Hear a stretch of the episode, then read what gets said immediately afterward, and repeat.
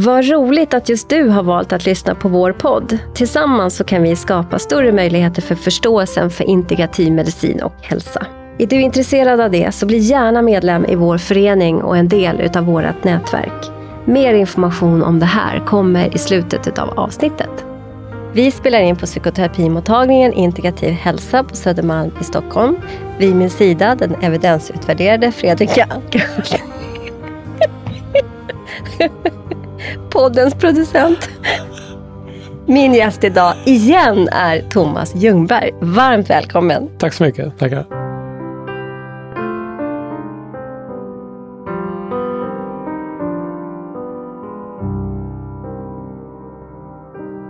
Thomas, det är andra gången som du gästar podden, vilket jag är jätte, jätteglad för. Och för dig som inte har lyssnat tidigare så ska jag ändå presentera dig. Du är bland annat, man kan säga väldigt mycket om vad du gör, för du har gjort väldigt mycket, men du är legitimerad läkare, docent i farmakologi och hjärnforskare. Du är också utbildare inom vetenskapligt arbetssätt och har haft en kurs här på mottagningen, men annars så är du främst i Region Sörmland. Men de senaste, du har skrivit också väldigt många böcker, ska man säga, eller väldigt många. Hur många böcker har du skrivit?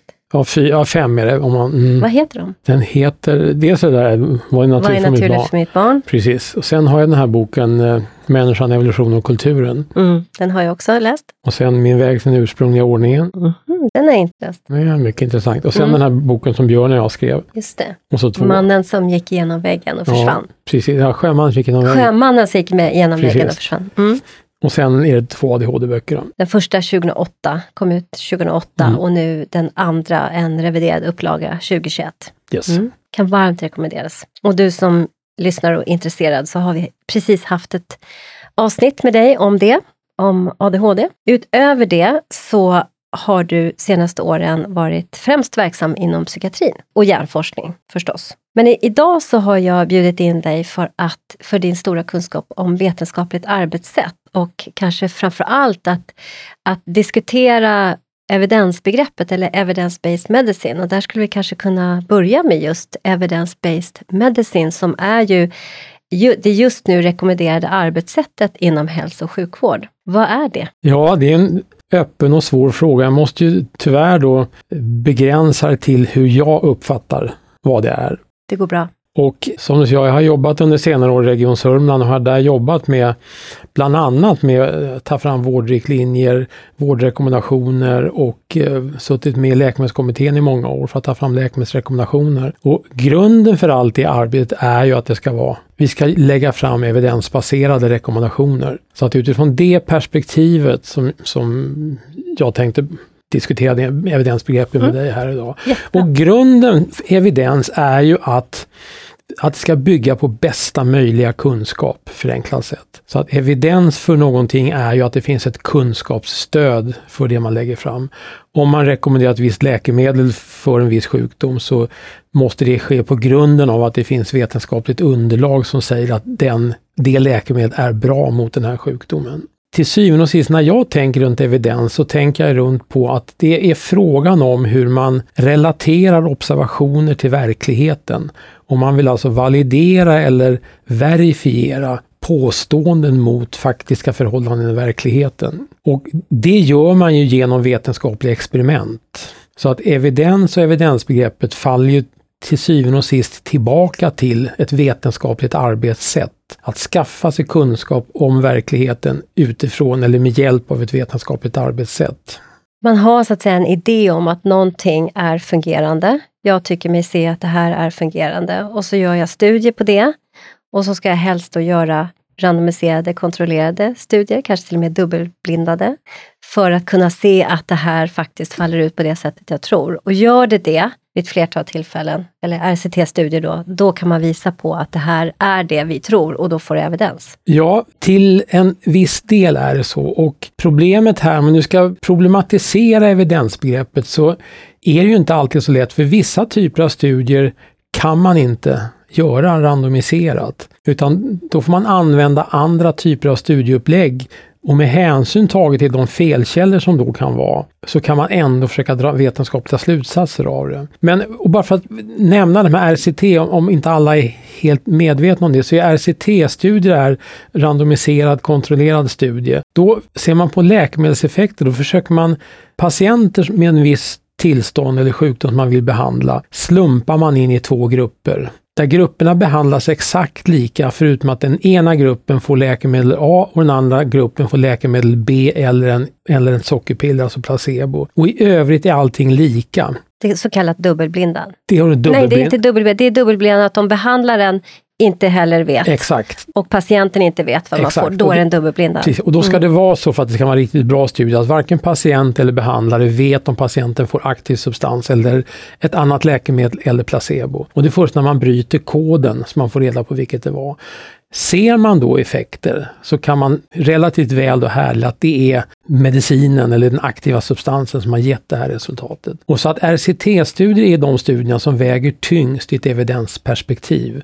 För då är man relativt säker på att effekten finns där. Men tittar man på psykoterapi till exempel, hur hur ger man en placebo-psykoterapeutisk behandling? Det är omöjligt. Det är omöjligt. Mm. Så att det, det gör att evidensbegreppet, ska man ha RCT-studier som norm, då når man inte hela vägen. Nej. Och det finns andra begränsningar. Jag tycker det som jag brukar ta upp som exempel är det här med moderna antipsykotiska läkemedel, man kallar för andra generationens antipsykosmedel. Effektiva antipsykotiska läkemedel, men de kan ge viktsuppgång. De kan ge insulinresistens, de kan så småningom di diabetesutveckling, högt blodtryck. De är väldigt rädda för att de här tänkbara effekterna kan ge hjärt-kärlskador och hjärt-kärldöd. Och det är en potentiell riskfaktor. Men frågan hur stor är den risken? Hur stor ökad dödlighet har man med de här andra generationens psykotiska läkemedel? Då har man gjort så kallade uppföljningsstudier, så man följer patienter som under många månader eller år har fått de här läkemedlen. Så tittar man på dödlighet och när man gör det så finner man att dödligheten istället är minskad.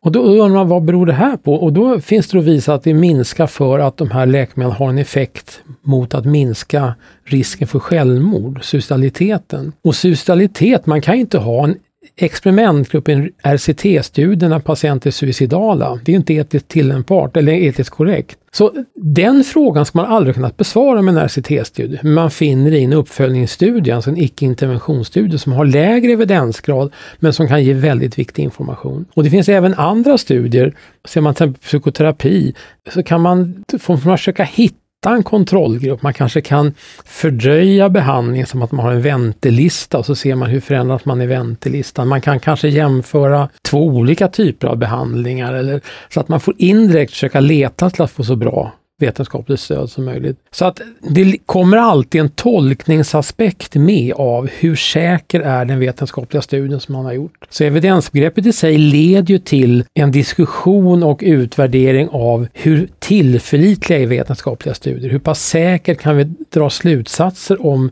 verklighetens beskaffenhet utifrån de studierna vi har utfört? Precis, och det här är ju någonting som man behöver hålla på med. Varje, jag tänker den här podden är ju driven utav en yrkesförening, Integrativ medicin och hälsa. Och då i, inom våran ram så är man legitimerad och inom legitimationen så har vi svurit i hälso och sjukvårdslagen att vi ska kunna hålla oss uppdaterade inom det området som vi verkar inom. Och då får vi en grundläggande utbildning i vetenskapligt arbetssätt och så ska vi kunna det här. Men personligen så kan jag tycka, jag, jag tycker det här är otroligt intressant. Jag gick forskarskolan på Sofiahemmet när jag pluggade till sjuksköterska och vi har ju liksom, du har varit här och haft utbildning och så vidare. Men för mig då som inte håller på med det här emellan, jag, jag håller mig, försöker hålla mig information, med vetenskapliga artiklar som kommer och så inom, inom mitt område. Men man behöver liksom hålla på med det här för att hålla det ajour. Och kunna liksom bolla med de här begreppen, förstå vad det är vi pratar om och också sen hur vi faktiskt ska kunna bedöma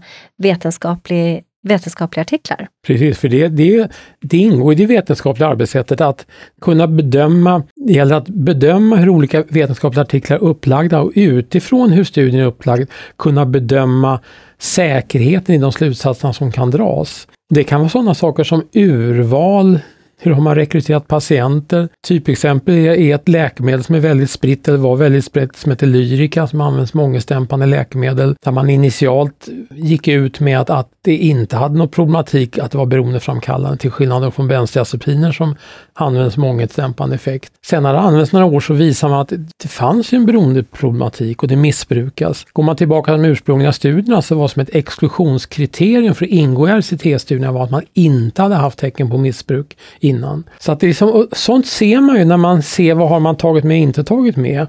Men då måste man verkligen lusläsa artiklarna och veta vad står och inte står och vilka saker man lämnat ut och inte lämnat ut. Det fanns ett annat exempel med ett läkemedel mot alkoholsug som lanserades i Sverige för några år sedan, där man initialt visade upp väldigt goda effekter. Men så råkade jag se ursprungspublikationerna och såg att det inte alls så bra effekter. Och det visade sig att då har man i ursprungspublikationen lagt till ett extra krav och då ser resultatet mycket bättre ut. Och det är sådana post hoc-studier, att man har en teori utifrån resultaten när man har sett resultat och sen bygger vidare på samma resultat och räknar om dem. Det är inte vetenskapligt korrekt. Och det är sånt, alla sådana här detaljer, det som ingår i vetenskapliga arbetssättet. Vad kan man göra, vad bör man inte göra, vad finns för svårigheter när man gör ett urval, svårigheter när man tolkar artiklar. Och det är en träningssak. Mm. Ja, det är verkligen en träningssak och det är också någonting att hålla sig uppdaterad på. För jag kan tycka att jag men, när jag har fördjupat mig i det, då tycker jag att det kommer igång och jag kan se och jag kan göra bedömningar. Och, så här. och sen så är det så mycket annat som kommer i livet och så, och så ska man tillbaka till att göra, ja, men hur var det nu? Liksom. Det är ju verkligen färskvara. Jag vet inte om du håller med mig, men jag tycker också att eh, ja, men det vetenskapliga språket som man använder sig av i artiklar och som man behöver göra, kan, den, dels varierar de ju beroende på. Men, men det i sig behöver man också hålla sig ajour med. Ja. För att kunna liksom läsa och göra en bedömning. Ja, för ofta är det ju så att varje, varje specialistområde utvecklar sin terminologi och sitt sätt att uttrycka sig. Och många gånger kan man nästan misstänka att det finns Eh, ett intresse av att ha så krånglig terminologi som möjligt så att andra som inte är insatta i ämnet egentligen inte ska kunna läsa artiklarna. Det är lite märkligt hur många gånger är det som man använder som nästan statistiska metoder som man anser sig ha definierat som är väldigt svåra att penetrera om man själv inte är i fältet. Så att det har ju blivit en nivå att det är, man måste ha verkligen inläst i sitt område för att sen också kunna värdera den informationen som finns i vetenskapliga artiklar. Mm. Och där är vi skyldiga var och en som är legitimerad att hålla oss ajour. Riktlinjer i all ära, men som också eftersom Psykoterapicentrum eh, anmälde Socialstyrelsen för ångest och depressionsriktlinjerna som de sen blev fällda för också. Och all den informationen finns på Psykoterapicentrums hemsida. Så vart det där tydligt att de här dokumenten, riktlinjerna är egentligen beställningsdokument till makthavare för vilken vård som man har där då i de här riktlinjerna sett gett på, på större grupp, gruppvolymer har då haft enligt den, vad det nu är för någon som har granskat det här, kommer fram till att det är det här som vi ska köpa in, den typen av vård. Men vi har ju de här individuella personerna som det kanske inte fungerar för och då, där har ju vi ett, en, ett individuellt ansvar gentemot den enskilda patienten att okej, okay, men okay, jag kanske testar det här först, men funkar inte det, då behöver jag kanske göra någonting annat. Och det tycker jag många gånger faktiskt faller, faller ifrån. Att man, nej men jag håller mig till riktlinjerna för då behöver jag kanske inte heller bekymra mig för att bli anmäld till mm. exempel. Då var jag själv i kontakt med Socialstyrelsen och frågade dem om det.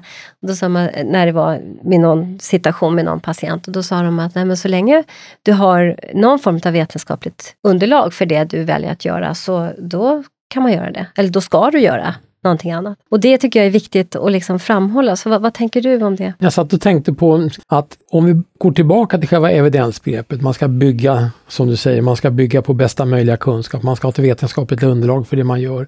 Men i vissa fall så är det underlaget relativt klart och entydigt. I andra fall så finns det variation i resultat av de studierna som kommer. Vissa studier tillstyrker, vissa studier visar att det inte är någonting och så vidare. Och då finns ju, då måste man ju dels ha en, fått en inlärning i hur ska man läsa en vetenskaplig studie? Hur ska man hitta eventuella felkällor? Och har man motstridiga resultat så är frågan om vad kan de tänkas bero på? Finns det metodologisk svaghet i någon av studierna och så vidare?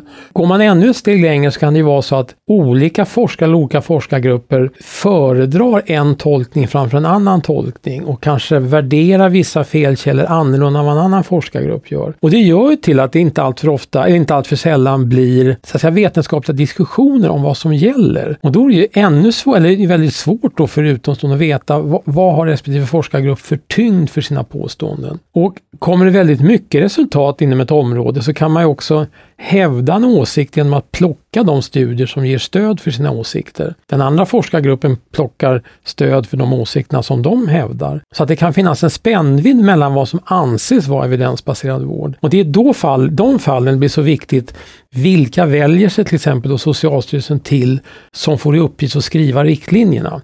Är de då så att säga lierade med ena gruppen, då kommer de att skriva riktlinjer efter, utifrån sina förutsättningar, utifrån det de tror på. Och då är ju, kan de sig lyfta fram att det är evidensbaserat, men det är inte så att säga, konsensus bland hela forskarkollegiet att det är just den tolkningen som ska gälla. Det är en av tolkningarna. Så, så småningom så går ju det här med evidens går över till vetenskapligt arbetssätt, går över till en vetenskaplig diskussion som så småningom blir allt svårare om det är allt svårare områden. Så att det är väldigt lätt att säga att vi ska jobba evidensbaserat. Men när man väl gör det så kommer man förr eller senare till nivån att det gäller att tolka innebörden av enskilda studier. För det är inte så, så enkelt många gånger. En annan väldigt viktig felkälla som har lyfts fram mycket just vad det gäller antidepressiva läkemedel, SSRI-preparatens effektivitet, är det att, säg att man gör 100 forskningsstudier. Fem studier visar att det har effekt, fem visar att det har en negativ effekt och 90 studier visar ingen skillnad. Publicerar man då de fem som visar en effekt och lyfter fram dem som effekt för SSRI, så ser det jättebra ut evidensbaserat. Men de här 90 studierna som inte visar någon effekt, då är ingen som kan, de kan man inte publicera, för man kan inte publicera en studie som inte visar någon effekt. Då får man en väldig sån publication bias som det kallas. Så även om det till synes ser ut som det finns ett starkt evidensstöd, så är det en chimär för att det är en selektiv publicering av positiva fynd. Och hur gör man för att komma åt det här? Hur kan man hitta de här 96 som inte publiceras? Går de, är de liksom, det är ett mörkertal som aldrig någonsin går att få tag på? Det har varit ett mörkertal under många år, men under senare år så ställer man krav på att alla läkemedelsstudier och överhuvudtaget alla studier inom vad jag känner till psykiatrisk vård som är lite större, ska man i förväg beskriva hur studien läggs upp och vilka som är de primära utfallsmåtten, det vill säga vad man avser studera. Och så registreras det i en databas. Så att man, vem som helst kan alltid gå in och se vad gav den studien för resultat. Och där hittar man ju alla då icke-publicerade negativa just studier. Det. För det är den här databasen som USA skapade utifrån just den stora kritiken för det här som du för fram. Exakt, ja, exakt. så det mm. har evidensbaseringen lyfts ett steg men det är fortfarande ett stort problem när man pratar evidens. Visst, det kan finnas en studie som visar någonting men hur många studier som inte visar någonting har inte publicerats. Och sen är det också så att för att kunna få vidare forskningsanslag för så behöver man fått sina studier publicerade i vetenskapliga artiklar. Så där har man ju en annan då vinkling som gör att det inte alltid kommer fram precis det som Nej, Exakt, för de, om man tar exempel de här fem som hittade positiva effekter, de publicerar, kan visa upp för sin anslagsgivare att vi har goda effekter, då får de mer pengar. De som inte hittar någonting, de börjar med en annan forskning, men de kan inte fortsätta den forskningen. Så att ekonomin styr ju vad som tas fram evidens för väldigt tydligt. Och tittar man just på psykofarmakasidan som är lite min specialitet, då är ju att det är ju, har blivit väldigt dyrt att ta fram nya psykofarmaka, för man kräver så stora eh, grupper med patienter. Så att det är, näst, det är inte lönsamt längre. Det, det sker väldigt lite inom psykiatriforskningen just nu vad gäller läkemedel för att det är för dyrt att ta fram. Och de läkemedel som tas fram blir då väldigt dyra och så att säga, måste ju kunna användas under patentskydd så att läkemedelsbolag som har tagit fram det kan ta tillbaka vinsten. En väldigt viktigt fenomen inom psykiatrisk forskning, eh, eller inom psykiatrisk behandling, är ju kombination av läkemedel. Man till exempel kombinerar SSRI med, med mirtazapin i en populär kombination som gör att personen sover lite bättre och kanske får bättre antidepressiv Men det finns inget bolag som har intresse av att forska på det, för båda är så att säga fria läkemedel som patenttiden har gått ut. Så det finns nästan ingen forskning på det, men det används väldigt mycket för att ingen är beredd att lägga pengarna på det. Så en väldigt stor nackdel, eller svaghet i det här med evidensbasering är att som det är nu, att det är sånt som är lukrativt som någon kan tjäna pengar på. Som man ger evidens för, för att sen kunna använda det. Och då missar man väl också de här långtidsstudierna, för de tar ju tid och eh, om det kommer någon ny publikation på någonting som fungerar, så är det ju också det här med långtidsstudierna som vi får vänta in. Att vi ser kanske inte vad ett läkemedel gör på tid det kanske visar sig jätte... Jag tänker vi har ju olika skandaler. Vi har ju till exempel Neurosedynskandalen som det säkert... Ja, kan inte du berätta lite om vad som hände vid Neurosedynskandalen? Alltså, den är jag dåligt inläst på, så det törs jag inte gå in på. Men, men, nej, och, och jag också. Men jag tänker just att det, där, utifrån det så förstod vi någonting nu. Liksom man såg att det hade god effekt på illamående för kvinnor, graviditeten. Mm. Och, sen, och sen så kom det, när kvinnan började föda sina barn så såg man att det hade, så att säga, eh, stora fosterskador helt mm, enkelt. Det gav fosterskador, ja, ja, precis. Och det där har vi ju liksom försökt hantera, och, men ändå så kommer det, vi hade sen eh, till exempel eh, svininfluensan, Pandemrix, som sen gavs ut. Det fanns flera som ändå varnade för det, att det finns någonting i det här som kanske inte är hundraprocentigt, men man, gjorde, man eh, liksom var snabb på bollen i alla fall. Och sen hade vi då narkolepsi, en narkolepsiproblematik. Det här händer ju liksom. Mm hela tiden, fast vi försöker förstå någonting, vi försöker styra upp, vi försöker göra det vetenskapligt och säkert. Liksom. Mm. Men då har vi ju de här fallgroparna som du beskrev. Det var egentligen det jag ville komma till Precis. med neurosedyn, att det finns ju fallgropar. Jo, det finns olika fallgropar. En fallgrop är det att, att man kan ju aldrig garantera, alltså människan omsätter ju läkemedel på annat sätt än försöksdjur omsätter. Man kan ju aldrig garantera att omsättningen hos en människa är exakt likadan som hos försöksdjur. Och det finns också en stor variation mellan olika individer hur man omsätter läkemedel. Så man kan inte garantera att alla läkemedel, eller alla personer kommer reagera på samma sätt på ett visst läkemedel. Så därför kan det uppstå ovanliga reaktioner hos få personer. Och det är det som gör att det även om ett läkemedel blir godkänt och börjar användas så måste det följas upp för att se vilka eventuella nya biverkningar som, som kan dyka upp med tiden. Mm, så att, och det här är, men det finns alltså, det är det ena att man ibland inte kan göra ordentliga prediktioner till människan. Det andra är det, som det finns exempel på också, att läkemedel som börjar användas visar sig ha biverkningar som läkemedelsbolagen lite blundar för, för att det är en väldigt ekonomisk förlust för dem om de skulle erkänna det här. Och det, jag vet inte om man ska ta exempel, men det finns ju ett antal exempel att lyfta där det här har hänt, till exempel läkemedel som visar sig ge viktsuppgång som biverkan. Som jag var i kontakt med företaget och företaget själv sa då vid den tiden att nej, så är det inte och visade publikationer som visade att det här stämmer inte så kunde man träffa patienter i kliniken som har gått upp 20 kilo. Och läkemedelsbolaget förnekar det. Men, men, så småningom kommer verkligheten ikapp det. Men det här är också en, att, att eh, man så att säga justerar evidens utifrån ekonomisk vinning.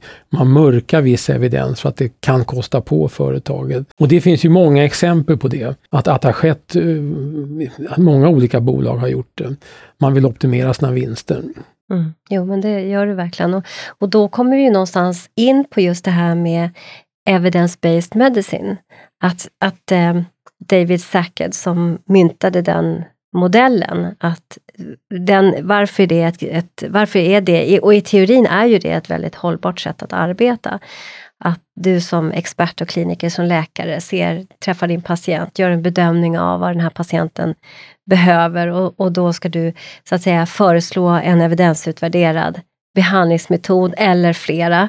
Eh, som om det då finns till hands och så, så ska du ha en patient då som tycker att det där låter som en väldigt bra idé och då är den med på det. Och, och, och att det sen också fortsätter. För, och då har vi en evidensutvärderad behandlings, ett behandlingsförfarande. Eller hur? Mm, precis. Mm, förlåt. Och, och det är det som är man ser dem, om vi lämnar de, alla de här negativa sidorna, så fördelen och styrkan i ett evidensbasperspektiv är just det att man kan erbjuda en patient sånt som man vet har bevisad effekt, som man har mm. kunnat visa effekt på. Och i evidensbegreppet, det ingår ju tre delar som jag, när jag tänker runt evidensbegreppet, eller evidence-based medicine. Det ena är ju vetenskapligt utvärderade eh, effekter av läkemedlet. Den andra är eh, erfarenhet från erfarna kollegor, vad de har sett om det fungerar eller inte. Och det tredje är patienterfarenheter och patientberättelser. Det. Och det är de tre benen tillsammans som ger det evidensbaserade arbetssättet. Ja, för då tänker jag de här patienterna då som kom med en övervikt. Eh, som läkemedelsbolaget sa att nej, det här, det här har vi inte sett i våra studier. Det finns ingenting som, liksom, som säger att det är på det här sättet. Men patienten kommer och säger så här, jag har gått upp 20 kilo sen jag började äta det här läkemedlet. Jag vill inte ha det längre. Då, alltså, om, om patienten inte vill ha det och också du som kliniker börjar känna dig tveksam till det här för att det här verkligen fungerar, då har vi inte längre en evidensutvärderad Nej, behandlingsförfarande. Och, och, då frågar man andra kollegor, men jag har också mm. sett det här, säger de. Och då har man liksom patientrapporter, erfarna kollegor. Och att det inte finns ett forskningsstöd, det är för att bolaget inte vill göra den forskningen. Så det, det, den vetenskapliga studien är inte nödvändig, men finns alla tre benen så är det väldigt starkt. Just det. Och David Sackett, han sa ju själv så här att det, det här är eh, ju en väldigt bra modell och han pläderade för det, men det finns en fallgrop och det är ju att som han sa då, att den, att det kommer, att evidens, eller den evidensutvärderade metoden kan bli kidnappad och att det är den som bara får ge gehör sen, att man tappar bort klinikens expertis och bedömning och patientens önskemål, utan då lyfter man fram en enkom metod för någonting som man har gjort och så tappar man hela, men man kallar det för att det här är evidens. Det är bara det här som finns evidens och då är det bara det här som du ska få. Fast jag kanske känner mig lite tveksam och du vill inte ha det, men det är mm. det vi ska göra i alla fall. Och det här ser vi ju händer hela tiden. Mm. Och jag, jag brukar ta som exempel, jag var på en konferens eh, faktiskt i Sverige som handlar om hur man ska få mindre barn att må bra. Liksom barnens bästa för ögonen och så vidare. Och då skulle det då vara evidensbaserat perspektiv på det här. Men det man gick ut för i inledningen var att det enda man räknar som evidensbaserat, det var forskningsutvärderade insatser som samhället gör. Typ alltså socialtjänst, familjecentral, BUP, man, man fick inte räkna in familjeinterventioner, hemförhållanden och sånt. För att? För att man, man begränsar till att, att av samhället sanktionerade insatser skulle man beforska. Mm. För där möter vi, jag som psykoterapeut möter ju det här som en, alltså ett problem hela tiden. Därför att det går inte att evidensutvärdera en metod som inte går att generalisera. Det är därför det är så enkelt med just farmakologiska studier. Ja. Men en psykoterapeutisk metod som du själv var inne på tidigare, att det handlar ju väldigt mycket om mötet. Precis. Hur, hur, hur, hur, hur stämmer vi med varandra och vad gör jag för bedömning av vad jag tror att du behöver? Och då kanske använda en metod då som kanske inte är evidensutvärderad, för att det går inte att evidensutvärdera den. Och, och går man då över på den här sidan med, med problematisera evidensbegreppet så är ju om vi nu säger att den randomiserade kontrollerade studien är så att säga golden standard för evidensforskning, så bygger det på att man har minst 200 patienter, 100 från behandling och 100 från placebo, som är likadana. Men psykoterapi, där är ju varje individ unik. Och liksom, vad får man för grupp med hundra unika individer? Är omöjligt. Så, nej, så att liksom evidensbegreppet det, det, låter jättebra men skrapar man lite på ytan så är det väldigt svårt att applicera inom många områden. Men om man kan applicera det, om man ska införa en, en psykiatrisk behandling, finns det evidens som talar emot det, då ska man inte införa det. Men finns det inte evidens för att man ser svårigheter beforskare på det sätt som man är van vid, då måste man hantera det på ett annat sätt. Men om de här tre kriterierna kan uppfyllas, en, en vetenskapligt god grund, erfarna kollegor som har sett effekt och patientberättelser, då är evidensbegreppet väldigt bra. Mm. Men allt får inte plats under den hatten. Vilket man får medveten om. Och också att det är bara sånt som är så att säga, kommersiellt lönsamt eller som det finns stöd man kan få forskningspengar för, så man kan hitta det här forskningsstödet. Mm, precis. Just psykoterapeutiskt fanns det en jättestor eh, forskning som kom för nu ganska länge sedan, där man tittade just på mötet, det här det unika mötet. Och då tittar man inte på en psykoterapeutisk eh, ram, alltså i ett samtal, utan man hade tagit fram terapeuter som, var, som hade väldigt gott behandlingsutfall och så hade man tagit fram terapeuter som hade mindre bra eh, behandlingsutfall. Och jag tror att det var, det var jag får mig att det var nästan 17 000 deltagare, alltså det var en jättestor amerikansk studie. Och då hade terapeuten fått gå in med en liten bricka med en spruta på. i första gången man möter och så satt patienten där och visste inte vad som skulle hända. Och så tog man då blodprover och kollade stressorer och så vidare. Och då såg man att de, de terapeuterna som hade bättre behandlingsutfall i sina, sin, på sin mottagning, hade deras patienter när de kom in med sin spruta, deras patienter fick inte samma stresspåslag som det andra. Men det här det går ju inte att evidens, alltså det går inte att det är omöjligt att evidensutvärdera det också, utan det är ju någonting som sker i, liksom i det unika mötet. Mm. Som jag tänker då, om jag vill spinna vidare på det, att kan det handla om liksom att trygga den andra. Och då handlar det om hur trygg du är själv. Mm. Till exempel. Och hur ska mm. du evidensutvärdera det? Mm. Det är också mm. omöjligt. Mm. Det mänskliga unika mö mötet och där det sker någonting i det intersubjektiva fältet som vi, inte, som vi kan ana och prata om och undersöka och fundera kring. Mm. Men det går inte att liksom manualisera det och även om man har försökt, som vi pratade förut eh, innan det här avsnittet lite om MI-metoden. Att då har man en idé om att man kan manualisera och koda och så vidare. Men jag har väldigt svårt att se det för att det är hela tiden ett unikt möte. Och i det unika mötet, hur mår jag när jag möter dig? Mm. Jag, det kanske har hänt mig någonting precis när jag kliver in och, så, och då lyckas inte jag med det som jag annars lyckas med om jag, om jag är lugn och trygg. Liksom. Mm. Och så vidare. En annan nackdel med evidensbegreppet, lite som bygger på det du sa nu, är det att om man kan, om vi pratar psykiatrisk vård som vi gör, om man kan eh, operationalisera psykiatrisk vård enligt en manual, då kan man ju också begränsa vårdutbudet och liksom få det att följa en mall som eh, kan te sig väldigt attraktiv för eh, de styrandes ögon för att det blir billigare vård. Och, och eh, det är många gånger evidensbas att den kognitiva behandlingen, kognitiv psykoterapi eller KBT har, har växt fram så mycket är att de har kunnat visa resultat på 15-20 sessioner, visa signifikanser och så vidare. Det är för att de använder en metod som ger ett mätbart resultat på kort tid, som är väldigt attraktivt ur behandlares ögon. Vi har ju följt ett, ett, stort antal patienter inom Region Sörmland som får, genomgår olika former av samtalsbehandling. Och det är väldigt långa samtalskontakter, det kan ju vara flera år. Men det försöker man nu då lite grann politiskt och, och ledningsgruppsmässigt styra om till att det ska vara max 15-20 behandlingar, sen ska det anses klart. Där man ska problemfokusera, behandla, sen dags för nästa patient. Och det är också frågan vad det finns inte evidens för att det är det bästa sättet att arbeta, men det är attraktivt ur ett vårdadministrativt perspektiv att ha korta behandlingsserier. Är det, tror du att det är sprunget ur det här med New Public Management? Jag tror att det är en viktig del av mm. det. Och då mm. har man alltså evidens för den typen av behandlingar. Man lyfter fram den typen av evidens, man satsar på den typen av forskning. Och då får man evidens för det som man vill att det ska vara, så mm. att det mm. blir en självgenererande evidens. Och det är också en svaghet med evidenssystemet, att man, man får evidens för det man satsar på.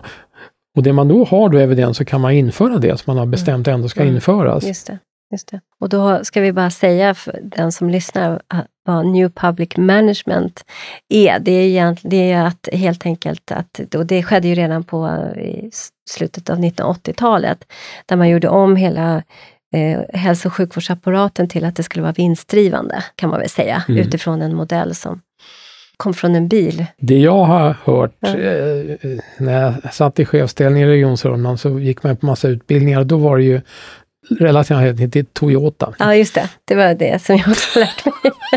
De hade väldigt framgång liksom med sin Väl... modell och den eh, köpte man. Och, ja, drevs igenom av Folkpartiet Man pratar vårdprocesser sen mm. dess när mm, man får in, inför här New Public Management. Ja. Och då ska det vara processer som går att hantera, som är snabba, som går att mm. reglera. Och, och då där... passar KBT väldigt bra in i det. Ja, och farmakologiska behandlingar. Och farmakologiska behandlingar. Mm.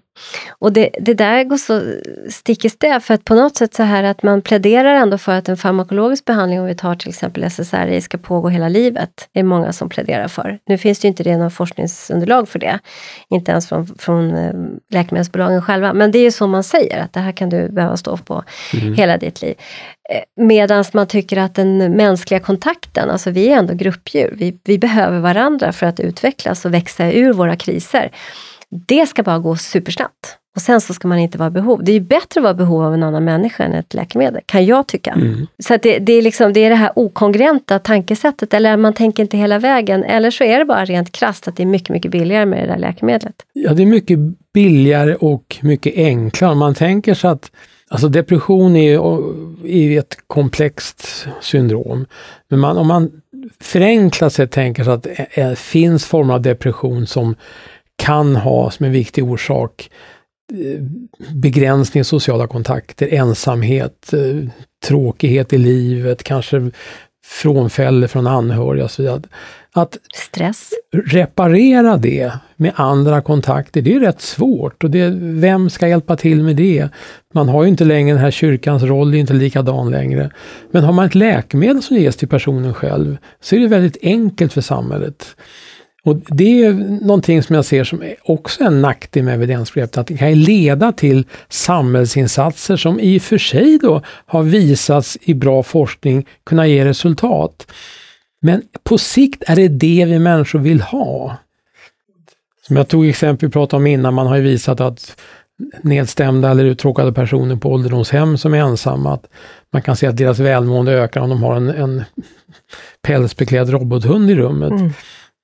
Och det är jättestark evidens för att de personerna mår bättre. Mm. Men ska vi verkligen ska vi hjälpa våra äldre genom att de ska få en statligt sanktionerad robothund i rummet? Ja, och varför robothunden? Liksom? Det är bara det är nästan ja, absurt. Det är ja, det är billigt. Det är inte, ja, inte det är billigt. Just det, det, behöver inte mat och du behöver inte promenera, Nej. gå ut och gå och så vidare. Nej. Det är klart, den, den tänkte jag inte på. Men... Nej, det är alltid det. Mm. kräver min, mindre och går robothund A sönder för att den mm. Ska man, man, lägger man in ja. robothund B, ja, personen märker ingen skillnad. Nej. Men, men om, om eh, en hund, Elsa, händer någonting med om man lägger in en annan hund, det är klart ja. då märker man att det är en annan personlighet som kommer in. Mm.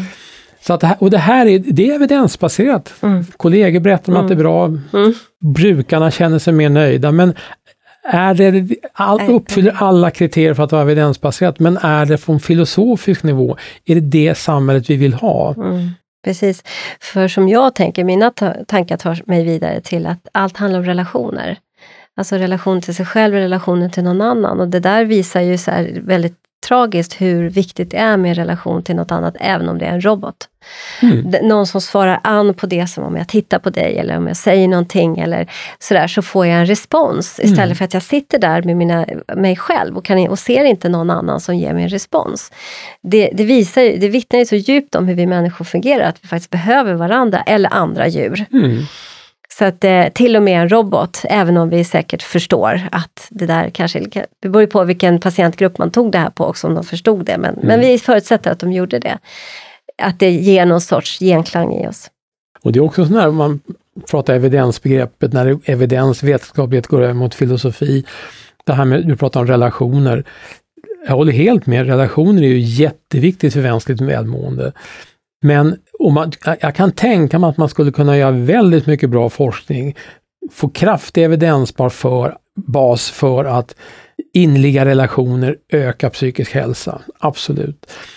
Men det forskas inte på, för det är väldigt svårt för samhället att omsätta i praktiken, utan det är mera det här med hemtjänst, har hemtjänst effekt eller läkemedlet effekt?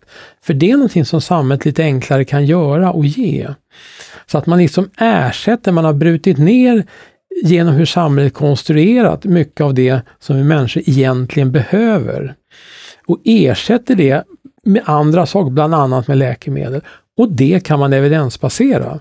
Så att det ser bra ut vilket läkemedel man ska använda. Men det leder till att man så att säga minskar de mänskliga värdena och inför istället en, en medikalisering av det mänskliga livet. Och det tycker jag ser som en väldigt stor fara med evidensbegreppet också. Mm. Ja, absolut. Inte bara det att det så att säga, tar ifrån oss många goda metoder som vi faktiskt kan hjälpa patienter med, om vi nu måste liksom, arbeta evidensutvärderat eller, och, och, så, utan det, det gör de här sakerna också, att det kan ta oss på villovägar, verkligen. Mm. Du brukar säga det att evidensbegreppet är kidnappat.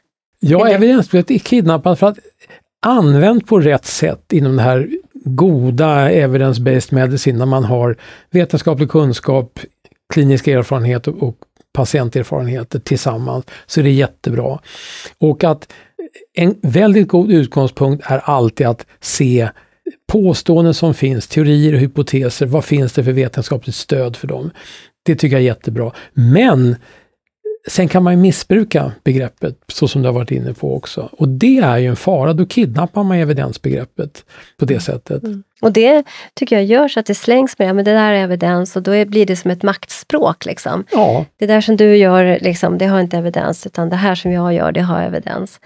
Och, så har, och, så, och sen många gånger ibland så vet man inte ens vad man pratar om, utan man har liksom bara hört det där. Mm. Det har evidens. Så. Det vad är... det egentligen att, vara, att det är evidensutvärderat? Det har man inte riktigt koll på. Nej, men jag tycker styrkan med pratande, som det här samtalet löper, det är ju både styrkor och svagheter med evidensbegreppet. En stor styrka med evidensbegreppet tycker jag är detta att kunna filtrera information man tittar till exempel på nätet, påståenden som sägs, det här och det här. Det, där kan man ju faktiskt hitta vetenskapliga resultat som talar för eller emot.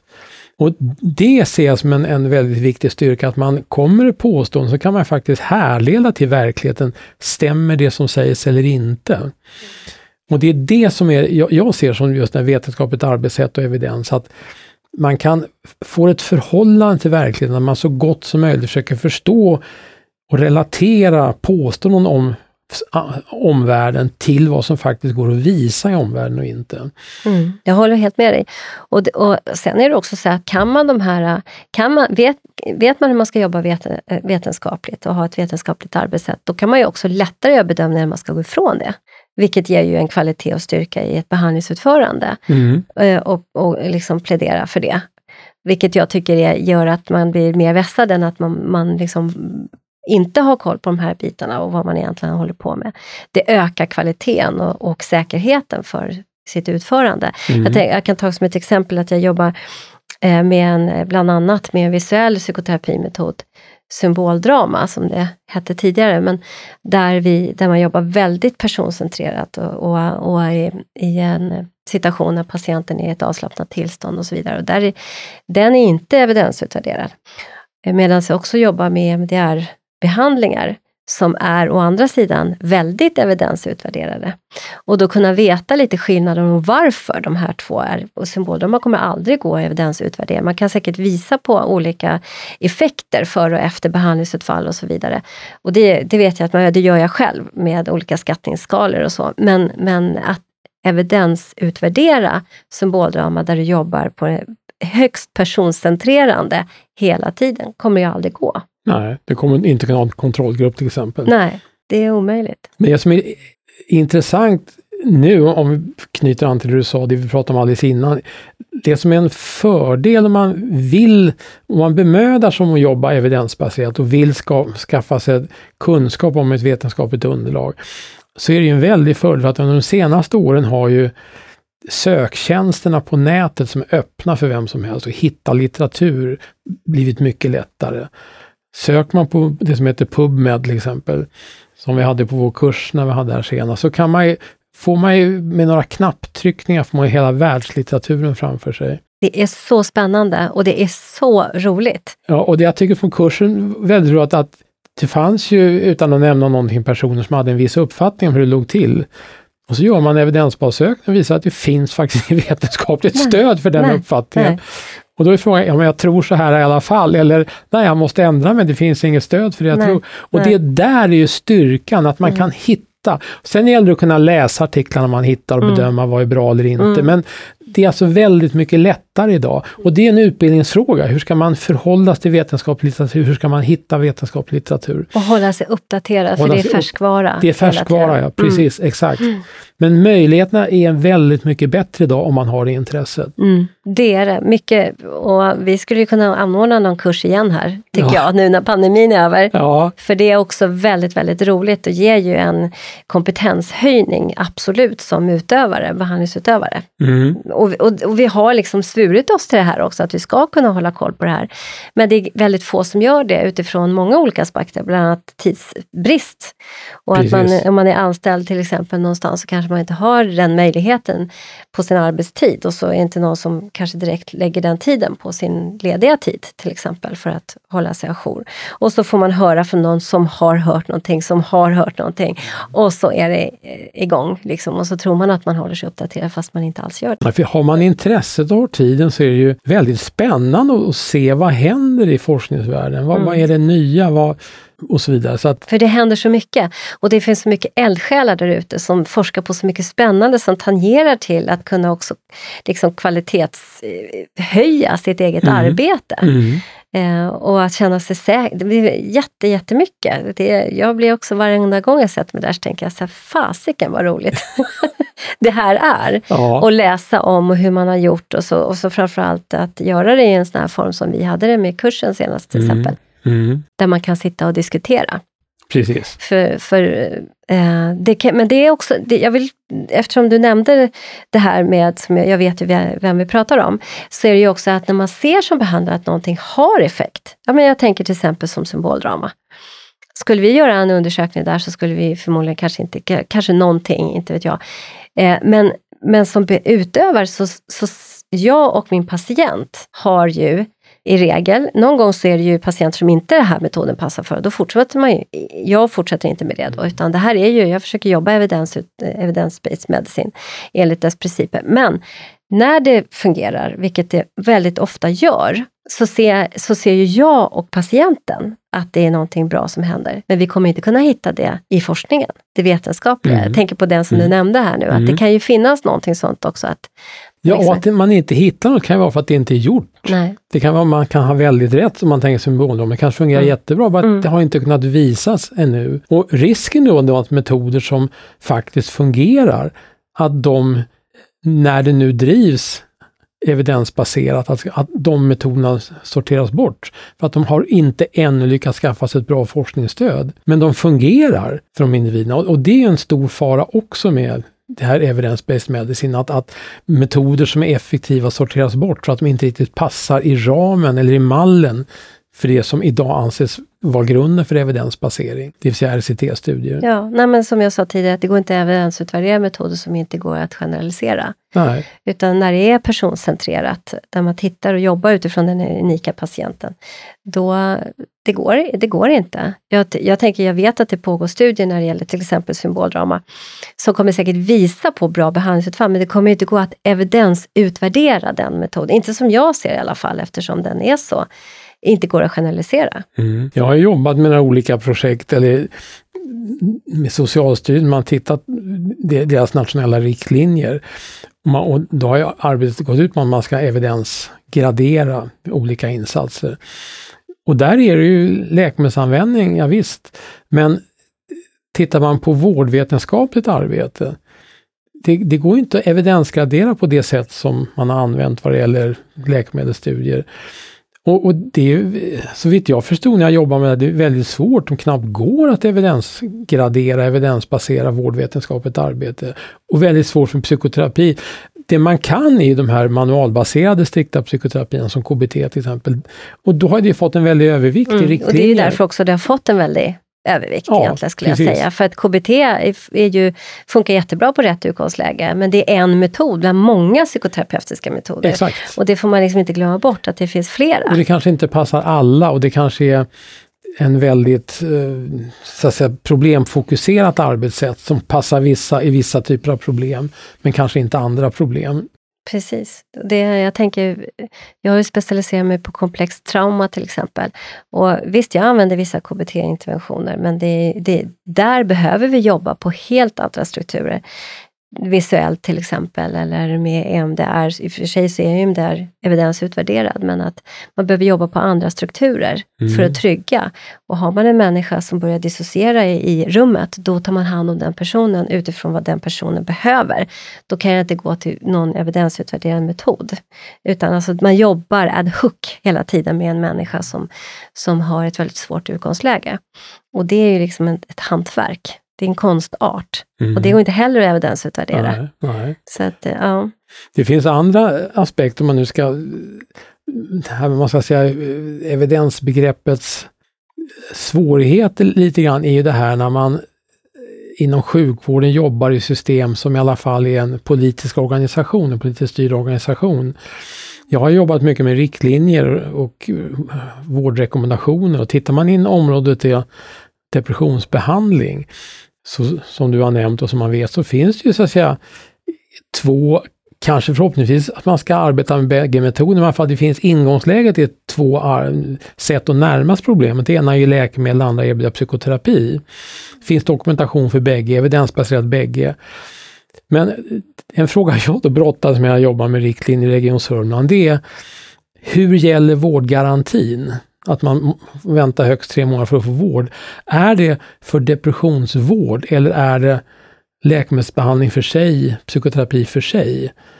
Kan patienten säga jag vill ha psykoterapi och då ska man erbjudas vård inom tre månader eller säger landstinget på den tiden som det var att vi erbjuder vård och det kan bli läkemedel och det måste du ta emot.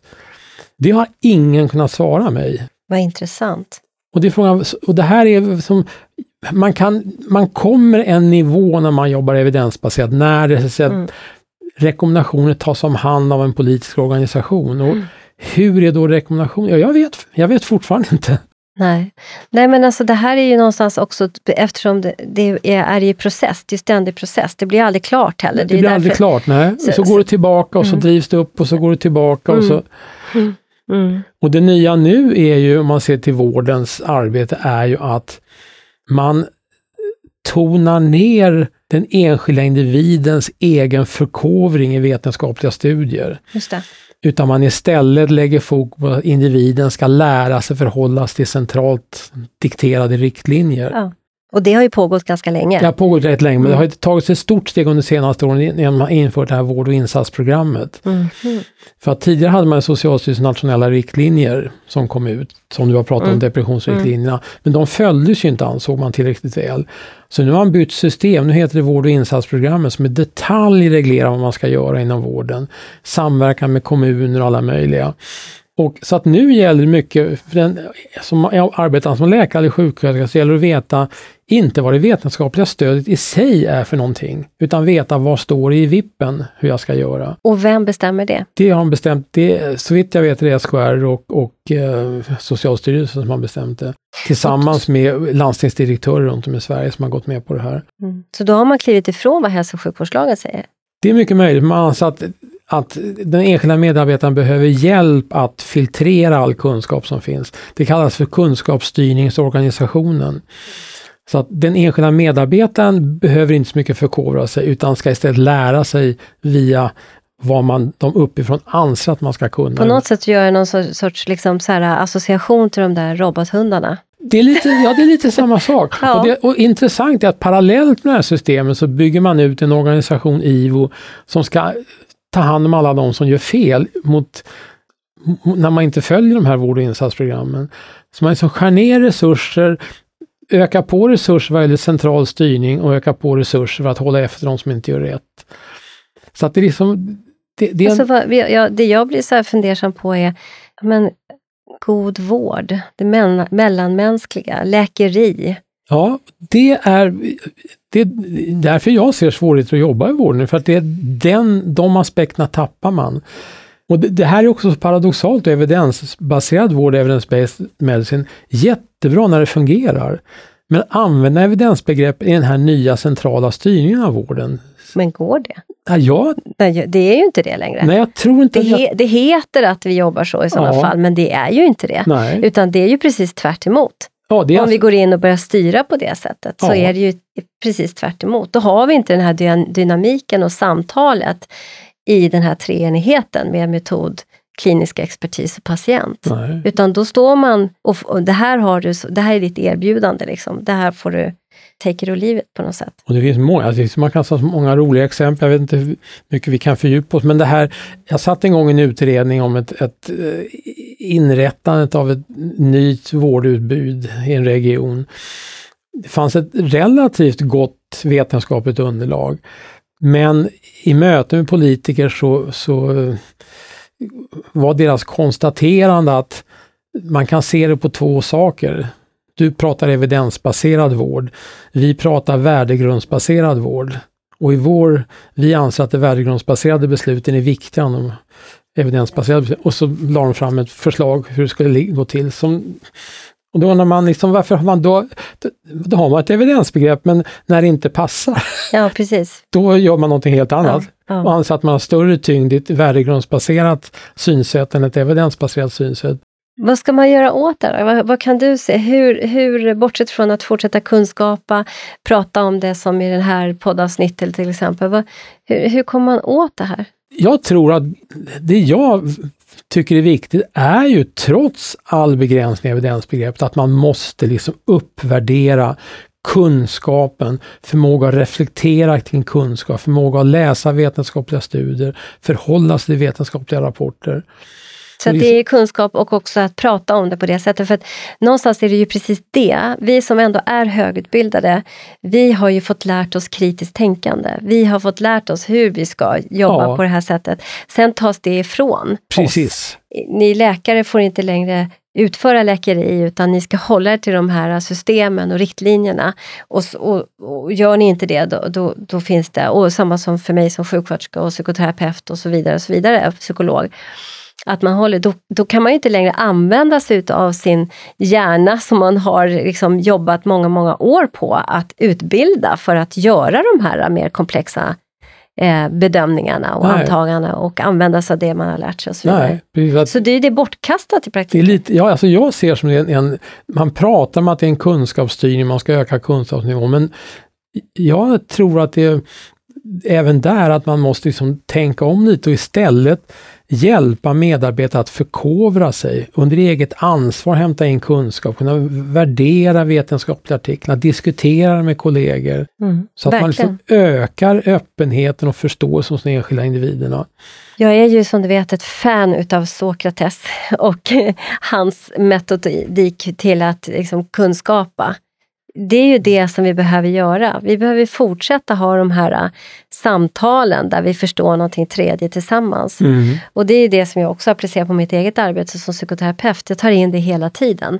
Att vi gemensamt för, försöker förstå någonting om patienten men utifrån vårt samtal som någonting tredje. Jag sitter med viss kunskap, du sitter med viss kunskap och så förstår vi någonting tredje.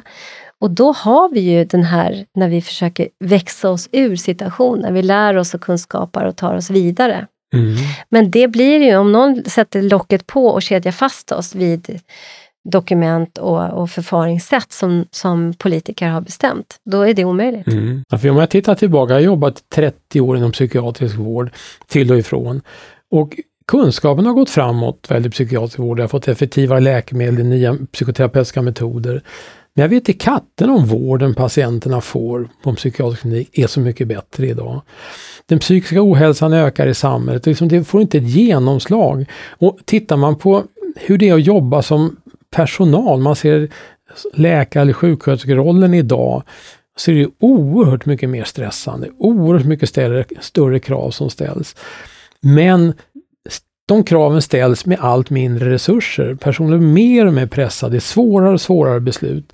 Och istället för att hjälpa till att skjuta till resurser så att vården blir bättre, så inf inför man det här med kunskapsstyrning och en organisation som ska straffa de som gör fel. Så jag, jag så- tror att det är en oerhört olycklig utveckling som vården är på väg. Att folk ska springa ännu snabbare och det ska slås på fingrarna. Och jag har läst ett antal ärenden när person, person blir anmälda och fällda.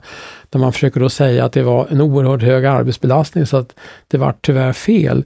Ingen, det är inget argument. Så att man kan tvinga stressa hur mycket som helst och när man då gör fel, vilket man gör, så åker man dit. Och de personer som har satt sjukvårdspersonal i de här oerhört omöjliga situationerna, de går fria. Mm. Och Precis. det, Utan ansvar. De står utan ansvar. de står utan ansvar. Och så ska det kallas att vi driver evidensbaserad vård.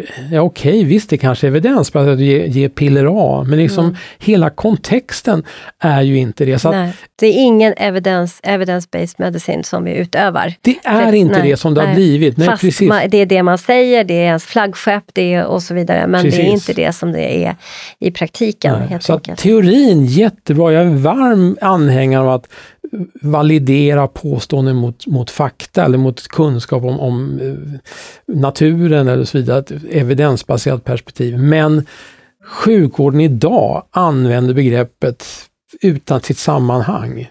För den vård vi tvingas arbeta i är, inte, är så oerhört pressande så att det går inte att arbeta evidensbaserat längre. Och sen så det som vi har sett i med den här pandemin, att då när, när det blir kris så ska alla in och jobba och alla går in och jobbar. Och sen när, som det var förra sommaren i alla fall, när pandemin var tillfälligt över, då varslar man hela Nya Karolinska. Det är någonting om att inte värdesätta liksom den andra på något sätt, vare sig kunskap, förståelse, intelligens eller arbete. Så att vi får helt enkelt fortsätta med, vi, vi skapar en till kurs. Du kommer ju hålla det i dina andra ramar och eh, prata om det här helt enkelt. Ja, öppna diskussion om det som håller på att hända. Mm. Vad, vad står evidens för? Hur används det i praktiken? Blir verkligen vården bättre bara för att man hävdar att det är evidensbaserat när man ser alla övriga politiska beslut som sker? Mm. Att ha det med, men att också beprövad erfarenhet och bedömning måste få väga lika tungt. Ja, och att patientberättelser är väldigt viktiga också. Väldigt viktiga. Thomas Ljungberg, stort varmt tack för att du kom hit och eh, upplyste oss ännu mera. Kul att få diskutera de här frågorna med dig ja, i alla fall. Ja, det är verkligen uppskattat. Jag hoppas att du vill komma igen. Det gör jag gärna. Tack. Ja, tack.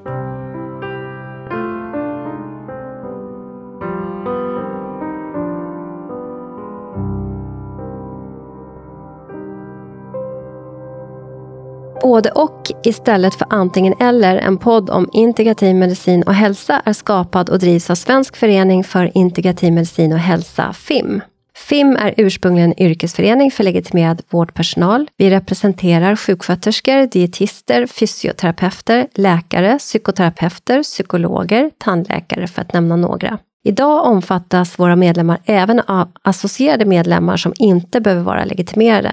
Föreningens arbete vilar mot den vetenskapliga grund för integrativ medicin och hälsa som finns, såväl svensk som internationell och på systemisk förståelse av människan i sin miljö. Vår förenings arbetssätt har hittills varit att arrangera konferenser, seminarier och folkbilda genom att sprida information, exempelvis via sociala medier.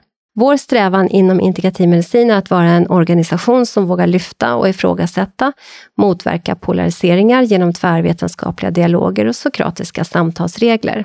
Vi vill kartlägga forskning som bedrivs, även internationellt, och hålla koll på aktuella forskningsresultat om behandlingsmetoder, både vad det gäller den etablerade vården liksom den vård som bedrivs utanför den etablerade vården.